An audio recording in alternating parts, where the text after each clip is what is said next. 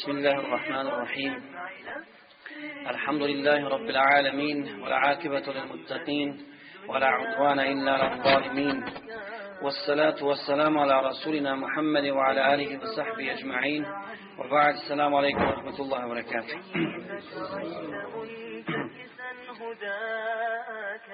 nakon عليك آه، الله جل شانه صلواتنا رسول صلى الله عليه ve sellem Draga braćo i cijenjene sestre, ovi koji ste zadovoljni Allahom kao gospodarom i Islamom kao vjerom i Muhammedom sallallahu alaihi sellem kao poslanikom i našim uzorom i putovođom do sudnjega dana. Meni je neizbjedna čast da večeras govorimo o Kur'anu i o hadisu Rasula sallallahu alaihi sallam o ispravnom putu s kojim je došao posljednji Allahov poslanik. Dakle, čast mi je da govorim ovdje među vama u Stuttgartu, odnosno u Njemačkoj, u zemlji kufra, u zemlji koja je obilježena širkom prema Allahu i velikim griješenjem. I ja sam neizmjerno obradovan zbog toga što večeras, alhamdulillah, pored svega onoga što sam ovih dana vidio u Njemačkoj, koju našim ljudima, da li u Bosni, Sanđaku ili Makedoniji, ne znam gdje, posebno u Bosni, opisuju kao nekakvu obećanu zemlju poput Amerike i ostalih država. Dakle, vidjeli smo taj njihov i gledamo svaki dan njihov razvrat i moralni pad i sunovrat Pored toga vidimo u toj Njemačkoj, u tom moru kufra, u moru džahilijeta, u moru neznanja i bezboštva ova svjetla lica, ova svjetla lica mu'mina koja svakako raduju. Dakle, to je dokaz, to je dokaz, alhamdulillah, za nas sviju. I to je ono što budi kod nas još više optimizam, optimizam da će Islam inša Allah, uskoro pobjediti i da, da je ova sahva, dakle ovo buđenje muslimana uveliko počelo. Da se muslimani, oni koji se vraćaju istinski Kur'anu i sunnetu, povezuju tom neraskidivom imanskom vezom na cijelom dunjaluku. I inša Allah, to ne može niko zaustaviti. To ne može niko zaustaviti jer Allah hoće i želi da ova vjera pobjedi da ova vjera pobjedi, jer to je vjera koju Allah Đelešanu jedino priznaje. Zato bi na početku spomenuo, braćo i sestre, riječi jednog kršćanskog sveštenika koji je govorio na glasu Amerike, dakle držao je predavanje kršćanima i između ostalo na kraju su mu postavljena pitanja, jer mi znamo da je 2000. godina, odnosno novi milenij, kako ga zovu, kod njih uvijek imaju oni svoje neke godine koje oni smatraju presudnim za njihov život. Presudnim za ono što će se desiti u budućnosti, pa su ga pitali šta misli on, u, u znaku čega, u znaku čega će biti novi milenij. On je spomenuo tri stvari. Rekao je, ja bi prije svega spomenuo tri događaja koja mi očekujemo. Prvi je dolazak Isa alaihi odnosno Isusa ili spasitelja kako oni to zovu drugi je veliki kosmički poremećaj koji će se desiti. I treći je, što njih najviše rastužuje i zabrinjava, jeste velika ekspanzija Islama.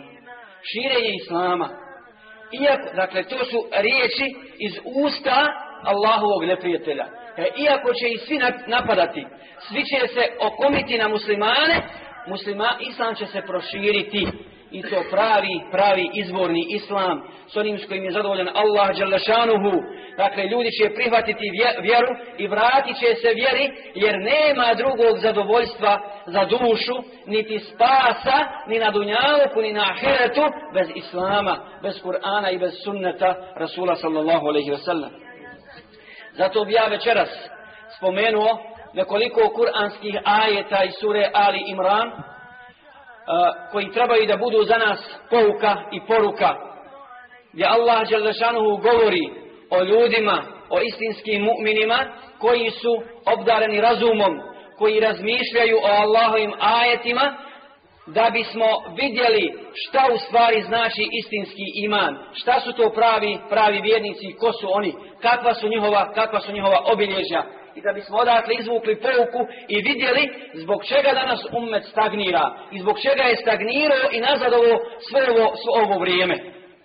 Naime, Allah Đelešanuhu Allah Đelešanuhu u suri Ali Imranu 190. do 200. ajeta kaže أعوذ بالله من الشيطان الرجيم بسم الله الرحمن الرحيم إن في خلق السماوات والأرض واختلاف الليل والنهار لآيات لأولي الألباب Kaže uzvišeni, zaista u stvaranju nebesa i zemlje, u smjeni dana i noći, su dokazi za razumom obdarene. Za one koji su ulul albab.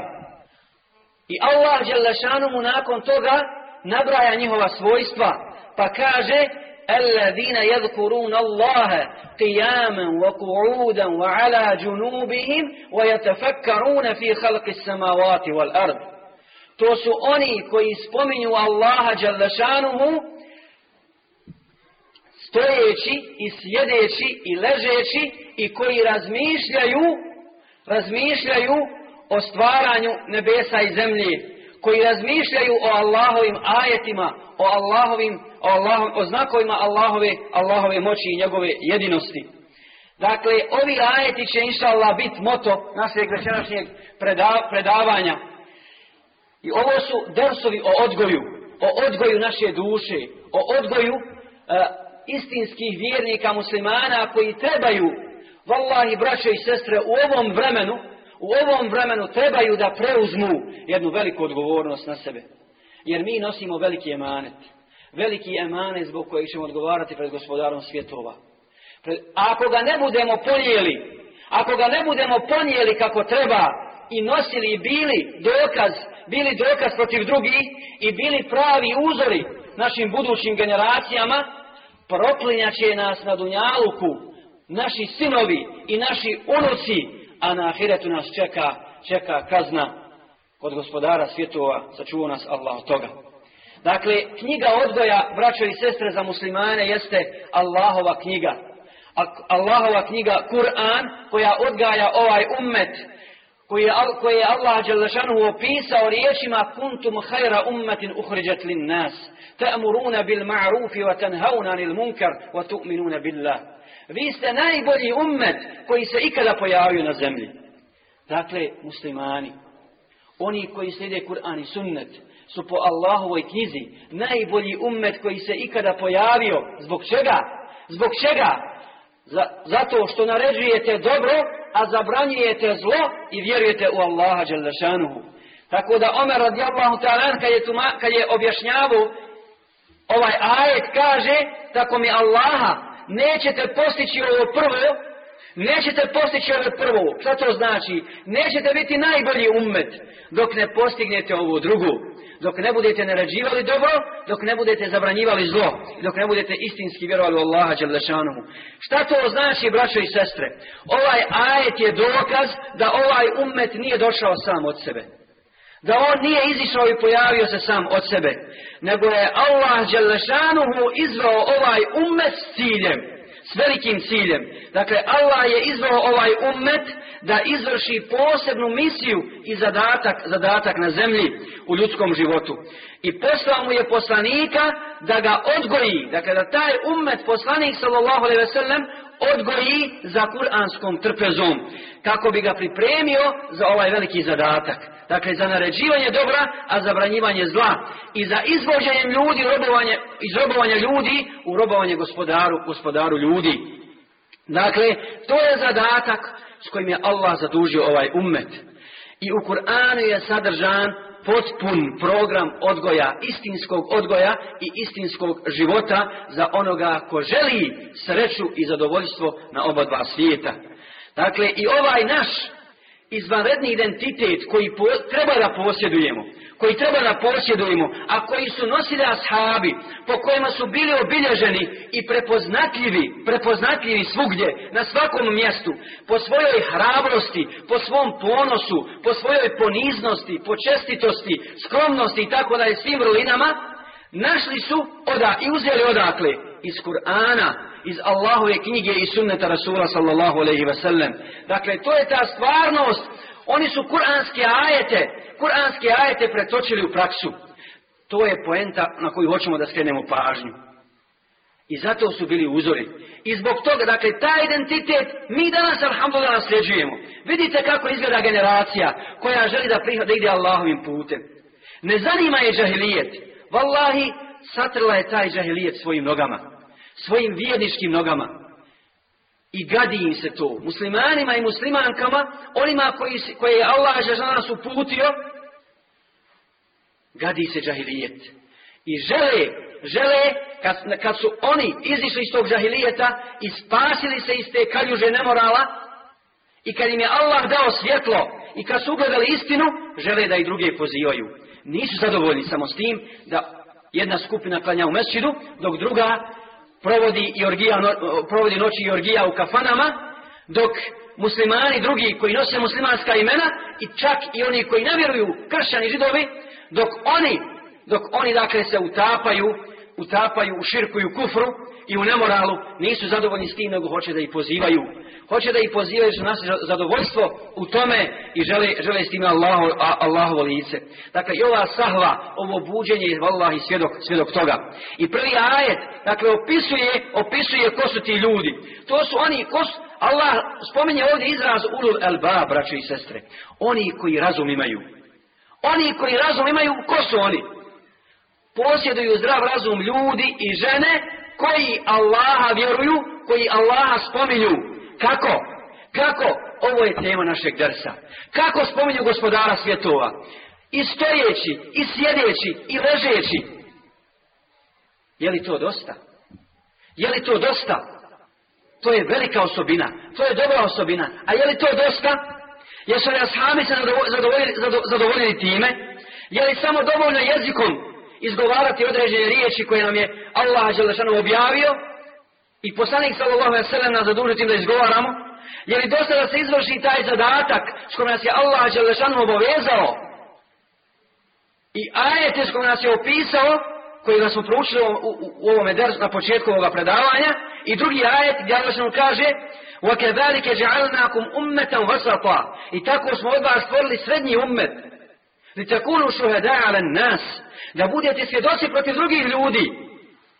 Je li dosta da bi bili svjedoci protiv drugih ljudi na sudnjem danu? I da bi smo ponijeli epitet najboljega ummeta koji se pojavio na zemlji, da samo Allaha spominjemo jezikom. Da samo Allaha spominjemo jezikom i da izgovaramo određene riječi. Dakle, nije dosta za taj, za, za taj, da bi se taj zadatak izvršio. Je li dosta, dakle, da umet samo okupi se na halkama zikra, je je nas tako Resul sallallahu alaihi naučio i je li tako odgojio svoje ashabe. Ne, oni su zikrili i srcem. Njihovo srce je živjelo za islam. Njihovo srce je živjelo za islam. A je li i to dosta? Je li i to dosta? Ne. Ne, nego Allah mu kaže da su to oni koji razmišljaju, dakle spominju Allaha veličaju ga jezikom i svojim srcem, njihova, njihova srca izgovaraju šehadet. I onda kad i ne, izgovara, ne izgovara jezik, jer oni gore od imana, žive samo za taj dan da sretnu svoga gospodara, a on s njima zadovoljan. Zašto? Zbog čega to? Zato što je, braćo i sestre, Allah u ovaj ummet zadužio s onim što nije, čime nije zadužio druge ummete. Šta kaže Allah za druge ummete? Za druge narode i njihove poslanike, u suri koja nama svima dobro poznata, al bejine, petom ajetu kaže uzvišeni وَمَا أُمِرُوا إِلَّا اللَّهَ مُخْلِسِنَ Nije im bilo naređeno ništa drugo nego da Allaha istinski obožavaju. To je bila naredba ostalim narodima. Ništa im drugo nije bilo nego da Allaha istinski, istinski obožavaju. Međutim, ovaj ummet ima dodatni zadatak. Za razliku od ostalih ummeta, pa kaže Allah Želešanu, val takum minkum ummeten jedu'une ila ja wa ja'murune bil ma'rufi i hanel munker. Neka među vama bude skupina oni koji će naređivati dobro, zabranji, e, koji će pozivati u dobro, naređivati ga i zabranjivati, zabranjivati zlo. To pa je jedan, to je jedan zadatak. I kaže uzvišeni, وَجَاهِدُوا فِي اللَّهِ حَقَّ I borite se na Allahovom putu istinskim džihadom. Istinskim džihadom. I ne odustajte od toga. Dakle, i nije čudo što ovaj ummet je zadužen s takvim stvarima s kojima nisu zaduženi drugi narodi. Odgovor je u sljedećem. Dakle, svaki poslanik prije je poslat samo svom narodu. I poslije jednog poslanika Allah je slao drugog. Pa trećeg, pa tako niz poslanika do Muhammeda sallallahu alaihi sallam koji je pečat svih poslanika. Nema više posle njega poslanika. Koga će Allah poslati da ga, da ga što s određenom da upozorava narod. Ne! Nego nakon poslanika Allah Đalešanuhu zadužuje umet s onim čim je bio zadužen poslanik. Sallallahu alaihi sallam Dakle, mi imamo ista, ista zaduženja da prenesemo istinu kao što je imao poslanik sallallahu alejhi ve sellem i na nama na nama je ta imperativ ta naredba od Allaha dželle i ka i ashabi su to dobro shvatili i zato su zato su bili primjer nama i zato su najbolja i neponovljiva generacija i pomagala na tom putu koja su Allah spominje to prvo je iman je li dosta zikr jezikom i srcem je li dosta ne nego tefekkur razmišljanje. Dakle, to je također zahtjev imana. O čemu razmišlja musliman? O čemu razmišlja musliman i muslimanka? Oni koji su spoznali gospodara svjetova. Dakle, oni razmišljaju o cilju svoga života. Što sam na zemlji? Zbog čega živim? Kuda idem? Kakav je smisao života? Zašto insan živi? Zašto ga Allah stvorio? Šta je poslije smrti? Ima li života poslije smrti? Razmišlja o nebesima i zemlji, o stvaranju nebesa i zemlji, o kosmosu, o ovoj divnoj harmoniji koja vlada u prirodi, koja vlada u prirodi. Razmišlja o Kur'anu, o Kur'anu kao o Allahovoj riječi koja mu povećava jekin. Zašto mu povećava jekin? Zašto mu povećava objeđenje? Zbog toga, braćo i sestre, što danas jedino muslimani mogu da se pohvale s tim da uzmu knjigu Allahovu i da kažu ovo je od Allaha Može li to jedan drugi narod? Wallahi ne može niko. Samo muslimani. Da uzmeš knjigu koja se opipat može rukom i kazat i da izazoveš s time, da izazoveš sve učenjake, sve filozofe, sve ljude na dunjalu koja je ovo je od Allaha, a vi demantujte ako možete. Vi to pobijte ako možete. Nema toga ko će to pobiti. I to ti povećava jekin. To ti povećava objeđenje. Jer nema, zar židovi do ne bi pobili to? Zar su židovi prijatelji muslimanima? Nisu, vallahi. Neprijatelji koji su radili i rade i dan i noć, nikada ne prestaju, kao i kršćani, da izvrnu. Jer oni nemaju istine. I onda hoće da islamsku istinu, da Kur'an izokrenu, da iz njega nešto izbace i ubace, kako bi bacili sumnju među muslimane. I prenosi se jedna predaja koja nam zorno svjedoči ovu stvar. Kad za vrijeme halife Al-Ma'muna, Halifa Memu jedan put naišao ulicom i vidio je grupu ljudi kako razgovaraju, pričaju o životnim stvarima. Među njima se posebno isticao jedan židov. Jedan židov, mlad čovjek, ali židov, koji je bio jako inteligentan. I nakon toga što se razišli halifa, ali nam priđe njemu i kaže mu, mladiću, zašto ne primiš islam? Je li moguće da ti tako pametan, tako inteligentan, ne primiš islam? Kale, nemoj mi to nuditi. Ja imam svoju vjeru, ne treba mi to. Nakon toga židov je otišao svojoj kući. Otišao je svojoj kući i razmišljao je. Što, što toliko vjera? Mora biti samo jedan pravi put. Hoću ja to da provjerim. Imao je jako lijep rukopisa. Tada, tada nije bilo kompjuterani mašina za pisanje. Šta je uradio? Hoće da provjeri šta je istina. Biblija, stari novi zavjet ili je Kur'an. Ne može biti sve istina. Jedan je pravi put. I šta je uradio? Uzeo je, uzao je Bibliju, uzeo je stari zavjet u kojeg vjeruju židovi, kojeg slijede i vidio šta tamo piše i na osnovu toga sastavio još neke stihove na tom papiru. I napisao nekoliko, nekoliko papira takvi i odnio je u sinagogu židovsku.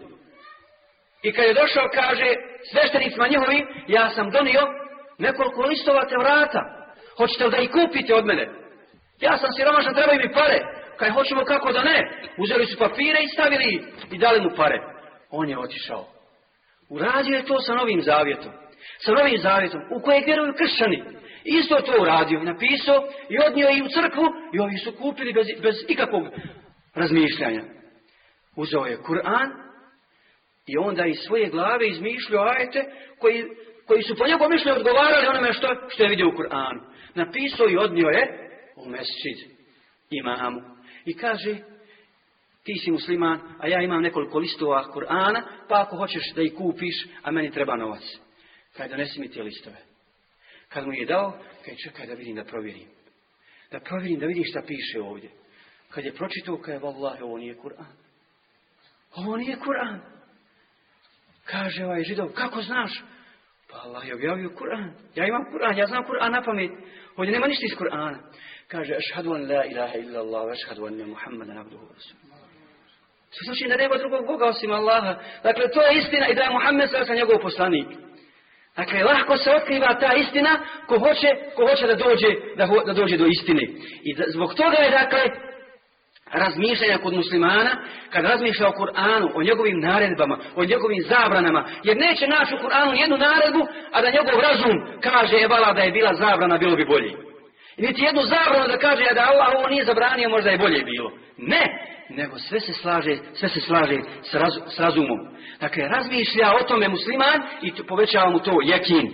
Zato Allah kaže, nakon toga što su, što, su su razmišljali, kad su vidjeli da se poveća njegov jekin, kod Allaha Đelešanu traže i moli od Allaha da ih spasi, da ih spasi jer će ženama, jer će, su svjesni da će pred gospodara svjetova. O čemu još razmišlja musliman?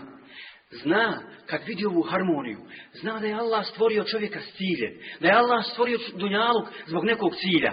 Dok se taj cilj ne ispuni, ako se taj cilj ne ispuni, a ne može se sve ispuniti ako se sa smrću sve zašašava.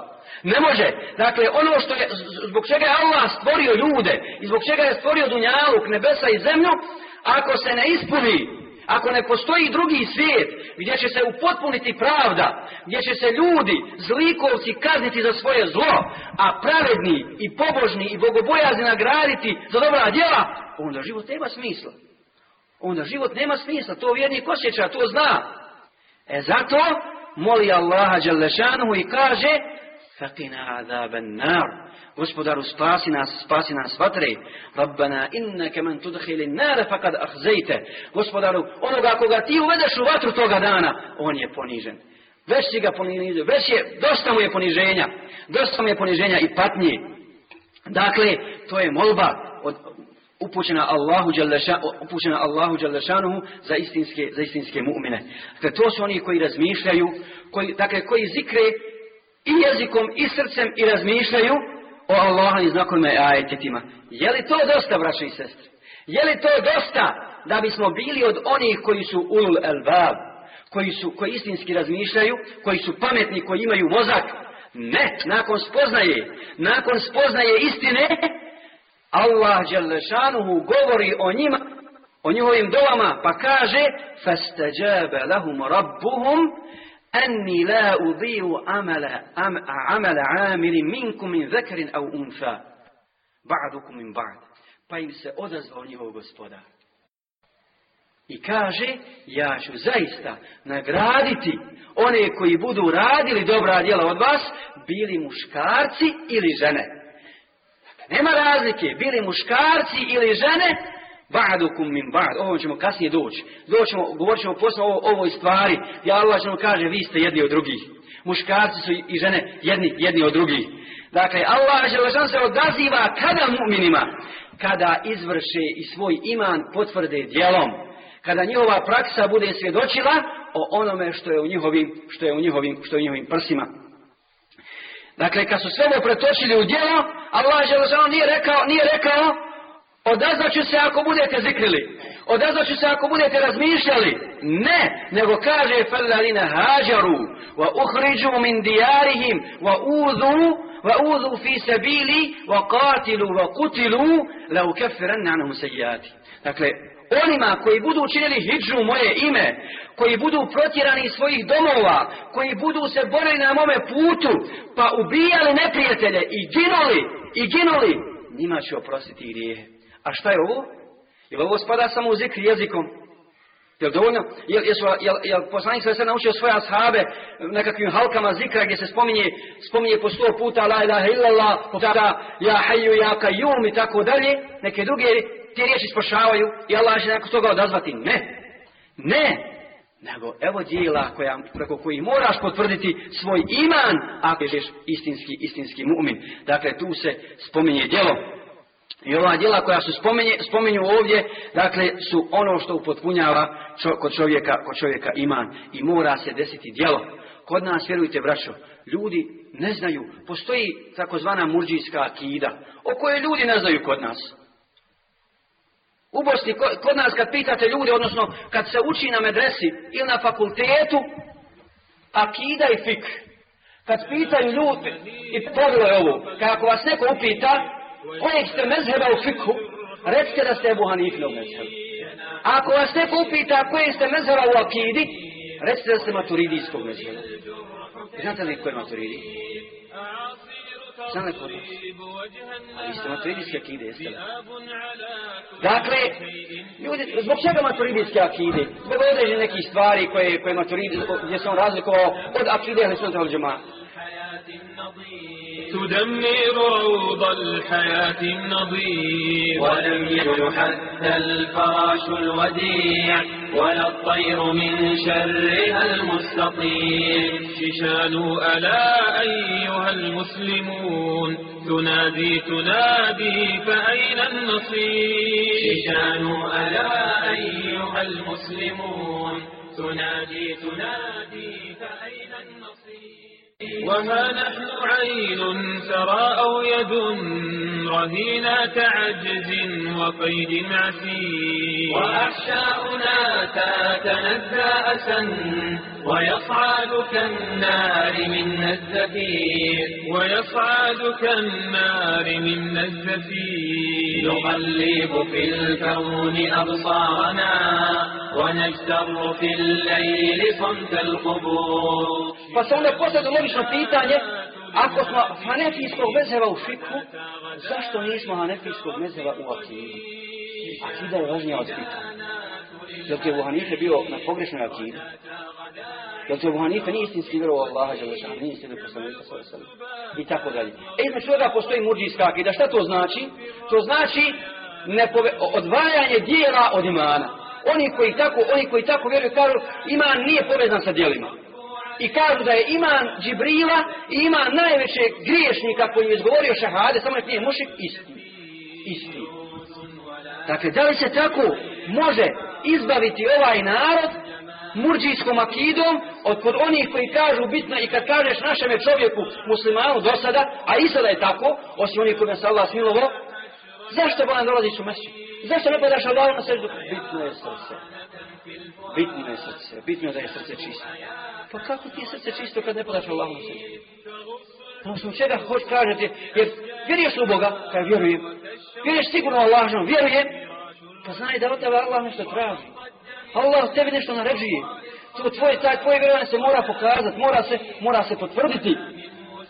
Dakle, i ta, to djelo vezano za uspjeh, za pobjedu i za vlast na zemlji koju Allah Đalešanu daruje onima koji istinski slijede Allahov put. A to kaže uzvišen u suri An-Nur u 55. ajetu وَعَدَ اللَّهُ الَّذِينَ آمَنُوا مِنْكُمْ وَعَمِلُوا الصَّالِحَاتِ لَيَسْتَخْلِفَنَّهُمْ فِي الْأَرْضِ كَمَا اسْتَخْلَفَ الَّذِينَ مِنْ قَبْلِهِمْ دِينَهُمْ الَّذِي ارْتَضَى لَهُمْ Allah je obećao onima od vas koji budu vjerovali i radili dobra djela.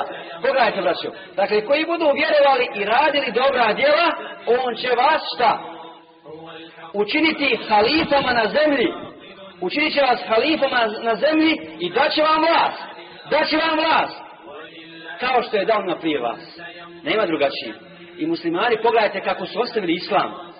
Kada je, kako je prokleti Ataturk kako je prokleti Kemal Ataturk uništio hilafet i uništio islam, a ne može ga uništiti, mislio da ga je uništio. Kada je okupio, kada je došao na vlast, okupio muslimane i uzeo Kur'an i tedero ga i stavio pod noge i kada nema više ovoga. Nema više ovoga. I skinuo hijab, hijab protiv kojeg se danas bore u Turskoj, zvanična vlast. I sa, sa glave prve žene muslimanke i tako je obeščastio i stavio ga pod noge i pogazio kaj nema više ovoga. Od tada umet luta. Jesmo li se podigli? Jesmo li doživjeli prosperitet nakon što smo okrenuli leđa islamu? I na istoku i na zapadu nismo vallahi, samo poniženje, samo dublje tonemo. A probali smo sve sisteme, i komunizam, i kapitalizam, i socijalizam, i demokratiju, i nema kakve ideje nismo, kako ideje nismo sproveli u svom životu ali nas je to samo odvelo u propast. Nije se riješio naš problem u našim prsima. Nema zadovoljstva bez islama. Tjeskoba ostaje. Tjeskoba ostaje u prsima. I ti radi šta god hoćeš. Pokušaj naći utjehu u bogatstvu, u ženama, u zinaluku, u vlasti, u ne znam čemu. Wallahi nema. Omen a'radan zikri fa inne lehu maišetan danka. Onaj kokrene glavu knjige moji, taj će teškim životom živjeti. Kaže Allah lešanu. Allah je to hak koji svak osjeća kod nas. Svi smo mi bili u džahilijetu. Ne može kod nas kazati, a e, ja sam mašala bezgriješan, ja sam bolji od vas, ja sam pametniji od vas. Ne, ne, ne, ne. Svi smo okusili gorčinu džahilijeta, gorčinu neznanja, gorčinu, gorčinu ovih poruka koje, u kojima danas, kojima danas ovaj umet. I tada se umet udalio. Udalio se da Allah izgubio sve. Izgubio i dunjavuk i ahiret. Izgubio je dunjal ako ga Allah šanuhu, ako ga Allah ne spasi. I, zato im umetom vladaju, vladaju, vladaju kjafiri. I pogledajte, najbrojniji umet, što se god desi, što se god desi, šta možemo u u u Palestini? Šta im možemo uraditi? Samo protestujemo. Iziđemo pred zgrade i ujedini nacija i protestujemo, oni nam se smiju tamo iza vrata. Smiju se i dalje kolju, siluju, bijaju, pale, a umet broji milijardi i 300 milijuna ljudi. I onda učenjaci izdaju fetve i kažu dozvoljeno je da palestinski mladić stavi oko sebe eksploziv i da ide da ubije, da ubije grupu židova. Dobro, ako je dozvoljeno, je li to rješenje za umet? Je li to rješenje za ovaj umet? Zar nije bolje da izdate fetvu da se svi dignemo? Nego da žrtvujemo jednog mladića od kojeg sutra možda ima hajra, vidjeli ste na mladića koji ima 22 godine, hafiz Kur'ana, dobar daja, otišao i šta je postigo? Šta je postigo? On je išao kod Allaha postigu nagradu. Ali za umet, šta smo mi dobili? I dalje židovi u kucu, i dalje ponižavaju. Dakle, kad smo okrenuli leđa i vjeri, onda je došlo, onda je došlo poniženje. Dakle, to je šart, vjerovanje i djelo, jer vjerovanje se mora ispoljiti. Poput učenika na ispitu, poput učenika kad dođeš na ispit, da li na fakultetu ili srednjoj školi, profesor te ispituje i pita, jesi naučio? Jesi ti kažeš, jesam, a on kaže, mašala desetka, hajde, idi kući. Hoće li tako biti? Neće, jesi naučio, jesam, hodi ovam. Hodi ovamo da vidim šta si naučio, šta si naučio i kako si naučio. Dakle, muslimani danas Muslimani danas dok neprijatelji eksploatišu naše zemlje, dok nas ponižavaju, dok nas protjeruju, dok nas proganjaju, a mi samo kukamo i demonstriramo, zbog čega? Jer nema djela.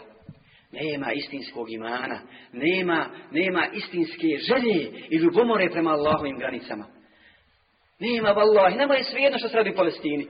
Bitno nek je ovdje kod nas mir. Kakav mir? Kakav mir bolan kad je musliman ponižen od mašika do magriba. I misli da će tebi biti dobro. Misli da će ta teorija, dok ne dođe do moje kuće i promjeni, ja ću sjedit. Uspjeti neće, vallahi, doći, do, doći kod tebe. I zar se može postići taj cilj s kojim nas je Allah zadužio i da se može postići pobjeda i nadmoć na takav način da se zatvorimo u mesin i da zikrimo. I da zikrimo, jel? dok kršćani i židovi siluju naše sestre izvan tih zidina mešćida. A mi molimo Allah da nas spasi. Nećemo tako protjera židove iz, iz, iz Palestine, nego onako kako je to radio Salahudine Jubi. Kako radio Salahudine Jubi koji je, koji je istirao, istirao kršćane kada su 90 i nekoliko godina vladali, vladali kucom. Vladali i u oči peta krenuo i kuda, zašto? Zašto baš danas? Zašto sada? Kaj hoću da klanjam džumu kucu inšalu. Da klanjam džumu u kuću. Jel klanjao? Ja šta je? Alhamdulillah, očistio. Treba se dići. Treba se dići. Treba živjeti za islam. Treba živjeti za islam kako su to radili ashabi, oni koji su nas pretekli dobru, pa će nam onda biti dobro. I vallahi, dok to ne postignemo, dok našu omladinu ne budemo okupljali, okupljali i odgajali za trpezom Kur'ana, nema hajra u našoj omladini. Allah, vjerujte, braće i sestre, kod nas, naša omladina u Bosni sada. Ono, jer, jer mi smo najviše stradali u Bosni. U Čečeni također. Ovdje većinom smo mi, nama je poznata situacija Bosni. Šta sad, šta radi naša najbolja generacija? Wallahi, uz Allahu pomoć odbranili. I ponos, i čast muslimana i tako dalje. Mi znamo da naša inteligencija nije položila istu ratu. Nije minđušari, one koji smo mi zvali klošarima, izgubljenim ljudima, iz naroda čovjek, običan insan, on je položio ispit. On je položio ispit u Bosni.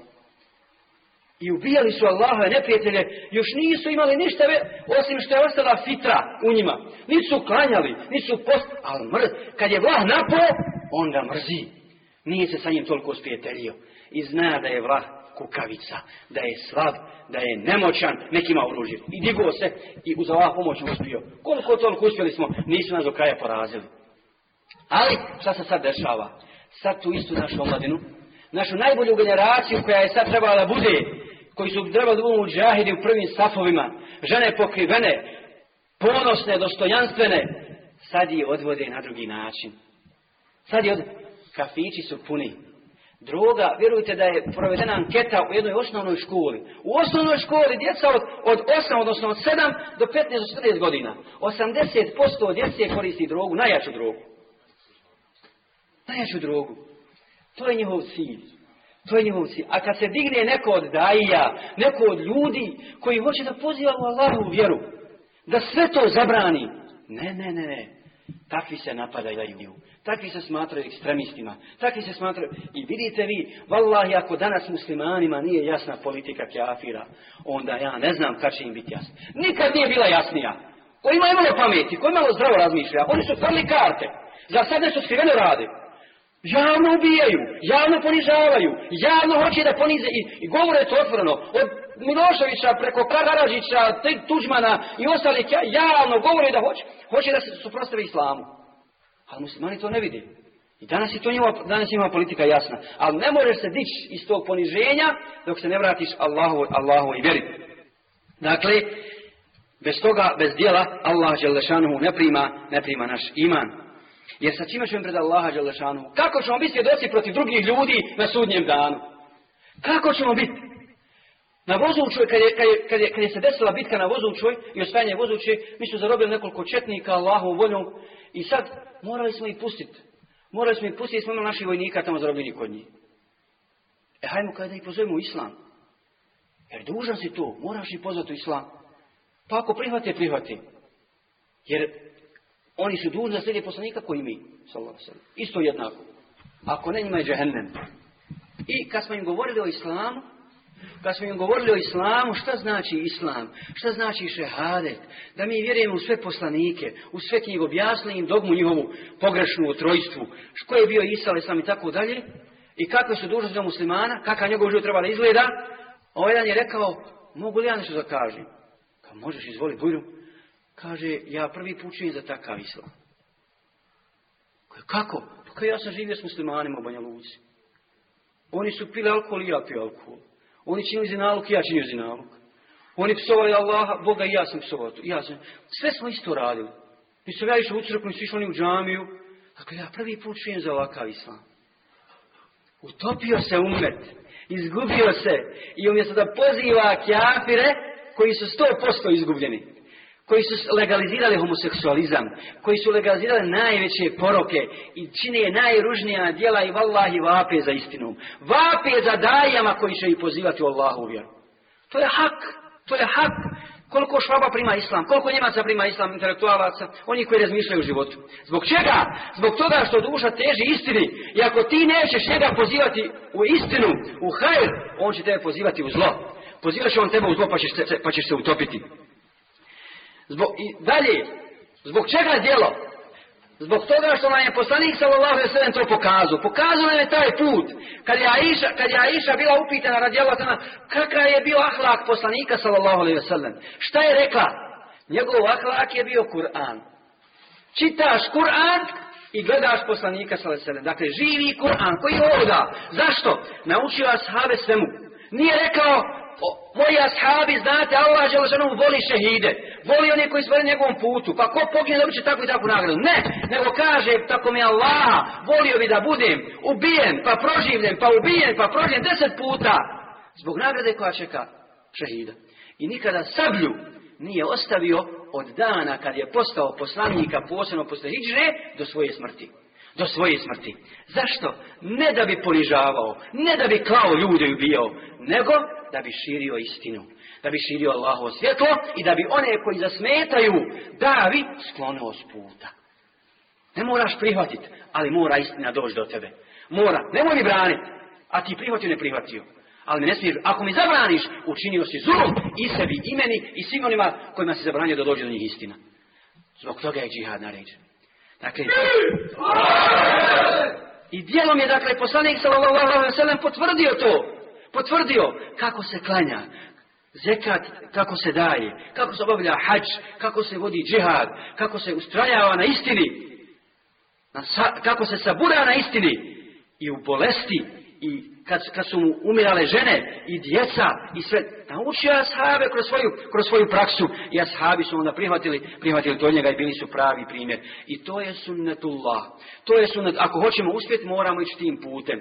Muslimani ashabi nakon poslanika sallam nisu stali, zato su osvojili za 35 godina kompletan tada poznati svijet, kuca, kucali na vrata Beća, nakon nekoliko godina poslije smrti poslanika sallallahu sallam pronoseći istinu. Pronoseći istinu. Ja bih spomenuo samo dva slučaja. Koliko, koliko znači, koliko znači ovaj iman i naše ponašanje. Naše, dakle, nije musliman samo onaj ko nosi bradu, koji ko svojim izgledom liči na muslimana. Ne. Islam znači prihvatiti kompletan način života koji nam je pokazao poslanik sallallahu alejhi ve sellem. Ja ayyuhalladhina amanu udkhulu fi silmi kafe O vjernici, uđite u vjeru potpuno. Potpuno. Nema ništa u šarijatu malo da, da kažemo, e to je vala sunnet nikakav, mustehab, to je bezvrijedan Nije.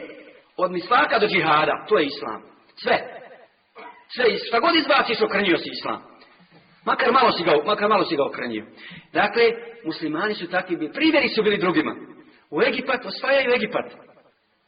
Amr ibn As, radijallahu kada je osvojio Egipat sa svojom vojskom, tamo su živjeli ko? Živjeli su tamo kopti. Kopci su tamo živjeli, oni su bili ortodoksi, nakon toga su došli katolici, katolici, kršćani jedni i drugi, samo različnog mezheba. I poraz, porazili ovi. Porazili ovi i dan danas ima u Kairu crkva koja se zove crkva Mari Đeržis. Nekakvog njihovog Marijana tamo. I u kojoj su katolici i svoje nekakve molitve, a sam pola koliki su zulum činili njima. Ubijali i koristili kalijefinu radnu snagu i tako da je ortodokse da su ima, u toj crkvi imali samo mali čošak za njih. Eto ko fol, da oni mogu da obave nekakve svoje molitve. Kad su došli muslimani, ovi su odahnuli. Kopti rekli su, e sad je hajr, sad će nam biti dobro. Jednoga dana bila je trka. Trkali se Amr, Amrov sin i jedan kopt.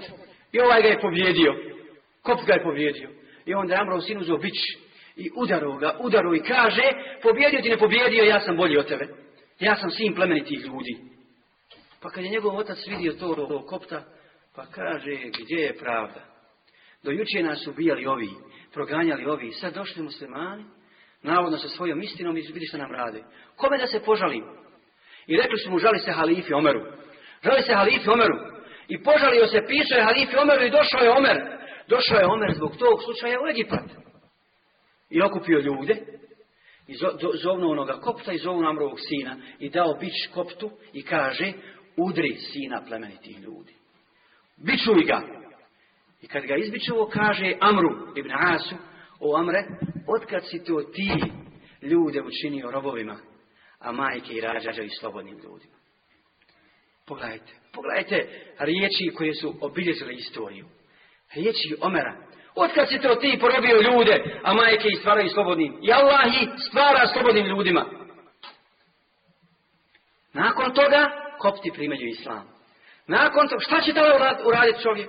Šta kad vidi kako halifa, glavni vođa muslimana, postupa? Nema ništa drugo nego da prihvati islam. Ubejde, evo Ubejde, kada je osvojio Šam i, nat, i, pokorio kršane koji su plaćali džiziju, koja je bila jako minimalna, a imali su velike ustupke zbog toga. Nisu služili vojsku, nisu, nisu nikakve obaveza imali, osim da poštuju zakon a bili su zaštićeni muslimana. I kada je Herakle ponovo pripremio vojsku da se osveti muslimanima, ogromnu vojsku pripremio, kaže mu uvejde, vratite, okupite sve kršene, sve okupite i vrate im džiziju. Vrate im ovaj metak. Pa su rekli, što? Nikad nismo čuli vladara da vraća ono porez. Je hoće vama ikad hvala vratiti poreze koje, vam je uzeo? A demokratija ovdje, oni su pošteni, nisu su dobri, oni su vaki, oni su onakvi. Poštuju ljudska prava, pošto ljudska prava, malo sutra koriste jeftinu radnu snagu, pa kaže što nam vraćaš džiziju? Kaže zbog toga što, nas, što, kršćani žele da nas napadnu izvana, priprema veliku vojsku, pa kaže mi vam ništa ne garantiramo. Ne garantiramo sigurnost. Ne znamo što oni pobijediti. Pa vam vraćamo vašu džiziju, vraćamo vam vaš, vaš imetak. Nakon toga je pobjedila muslimanska vojska kršćane i kad su se vratili, jesu ponovo kršćani dali džiziju? Nisu. Što? Svi primili islam.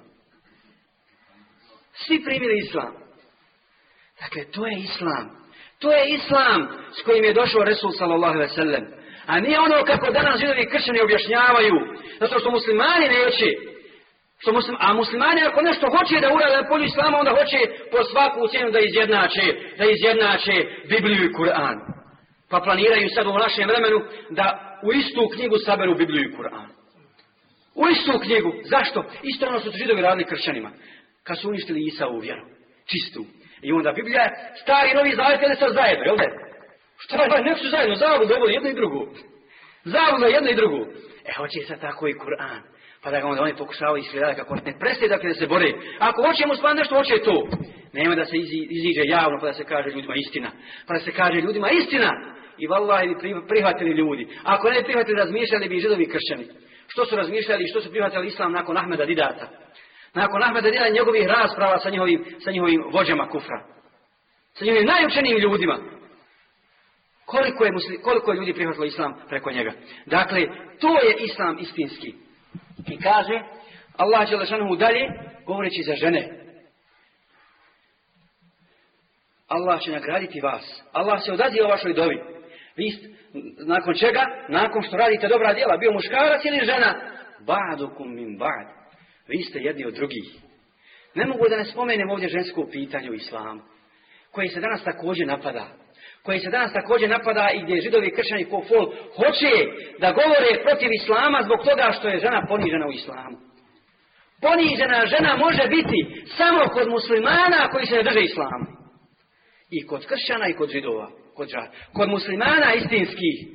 Ako slijede Kur'an i sunnet, žena je druga polovica. Žena je druga polovica I ona ima ogromnu ulogu u izgradnji islamskog društva. Ako ona, ako nju, zato hoću da upozorim svi u nas, ako ne izgradimo ženu muslimanku koja je stup islamske porodice, ne, nismo ništa postigli. Nismo ništa postigli. Zato su neprijatelji sama pokušali da našu i uspjeli da naše žene pokvare.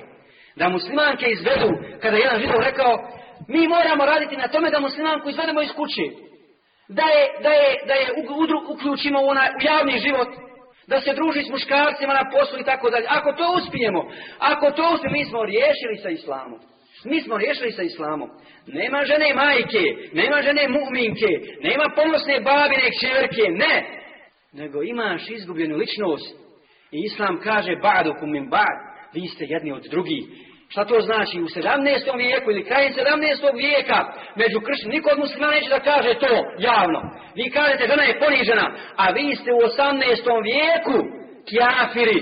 Vi ste smatrali ženu da nije ljudsko biće nikako. To je nedavno bilo. To je nedavno bilo kada su, kada su razmatrali o tome je li žena, ima li žena dušu ili nema. Ima li dušu ili nema. U crkvama, na, na univerzitetima, dalje, pa su kazali jedni, dobro, ako ima dušu, je li to hajvanska ili insanska duša? A ako je insanska, ako je ljudska, je li ispod nivoa čovjeka muškarca ili nije? O tome ste vi raspravljali. Allah kaže, ba'dukum min ba'd. Vi ste jedni od drugih.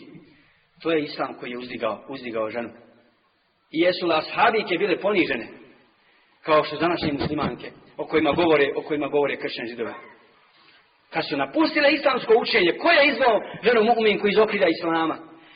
Koja danas traži veća prava nego što je Allah dao. A također i muškarci koji ne razumiju islam, kako se ponašaju prema ženi muslimanki. Kakav odnos imaju? Kao prema robinji. Kao prema robinji. Oni je smatraju onakvom kako je židovi na meču. i kako su oni smatrali. A ne istinskom, istinskom ličnošću. Pogledaj koliko islam dao prava ženi. Omer on drži hutbu. Drži hutbu uz Ramazan. U zakrpljenoj odjeći. dolazi na memberu i kaže, čuje da, da muslimani, muslimani traže za svoje čeri velik mehr kad se udaju. Velik mehr traži. Pa kaže, hoće da upozori na to, kaj ovo muslimani.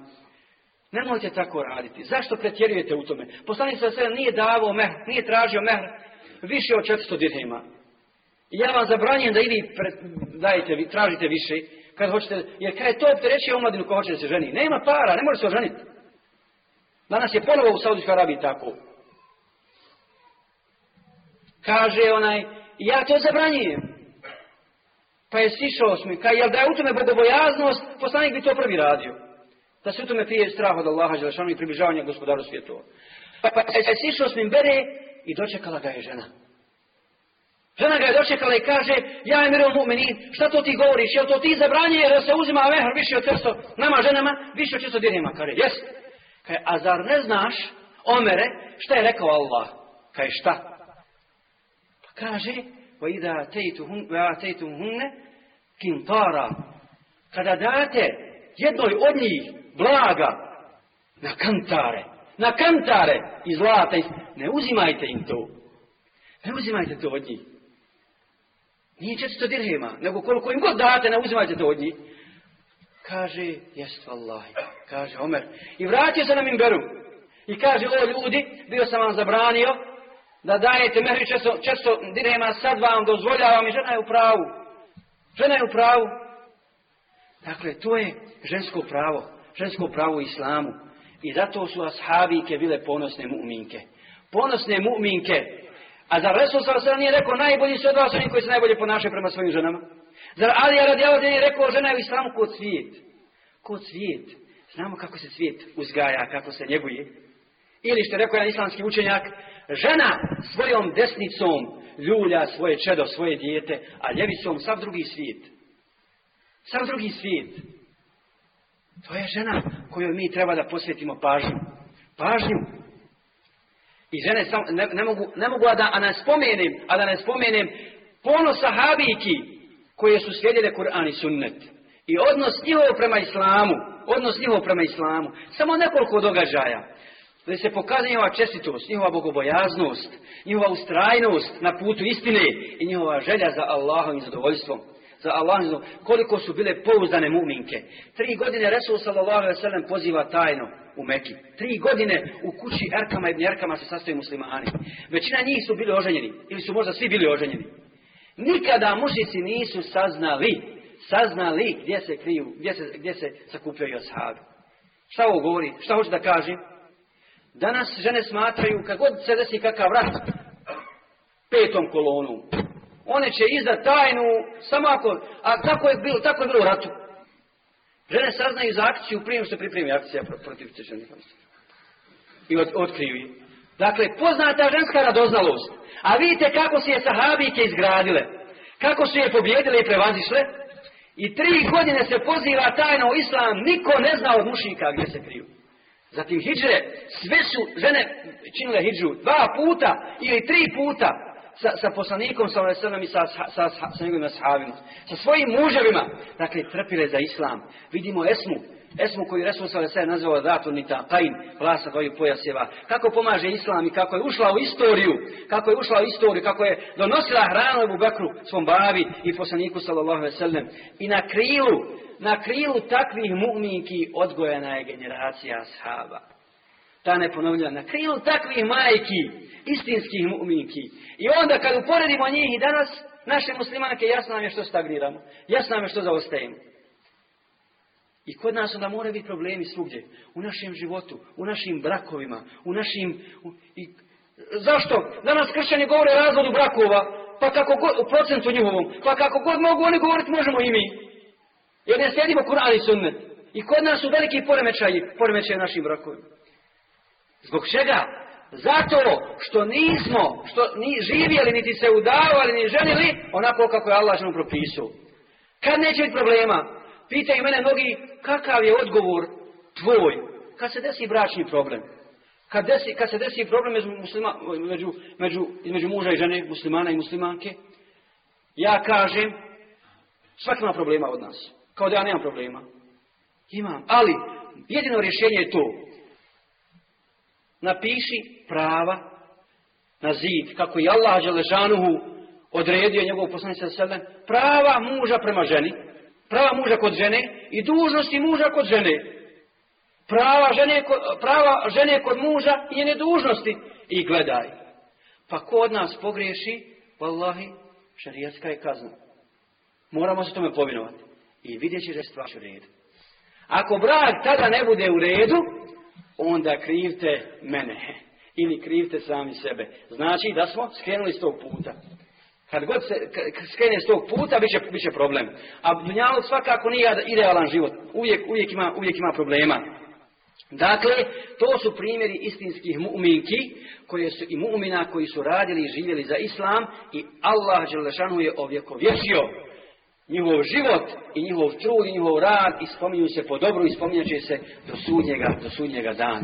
Zato molim Allaha Želešanuhu da nas učvrsti na istini, da nas učini dosljednim sredbenicima Kur'ana i sunneta, da budemo od onih koji će pozivati istinsku u vjeru, koji će se boriti da Allah riječ bude gornja, da umremo na islamu, da nam Allah oprosti grijehe, da ubrza pobjedu istine i da nas vode u žene sa svojim poslanikom sallallahu alejhi ve sellem koji su sve dobro. Amin. Jazakumullahu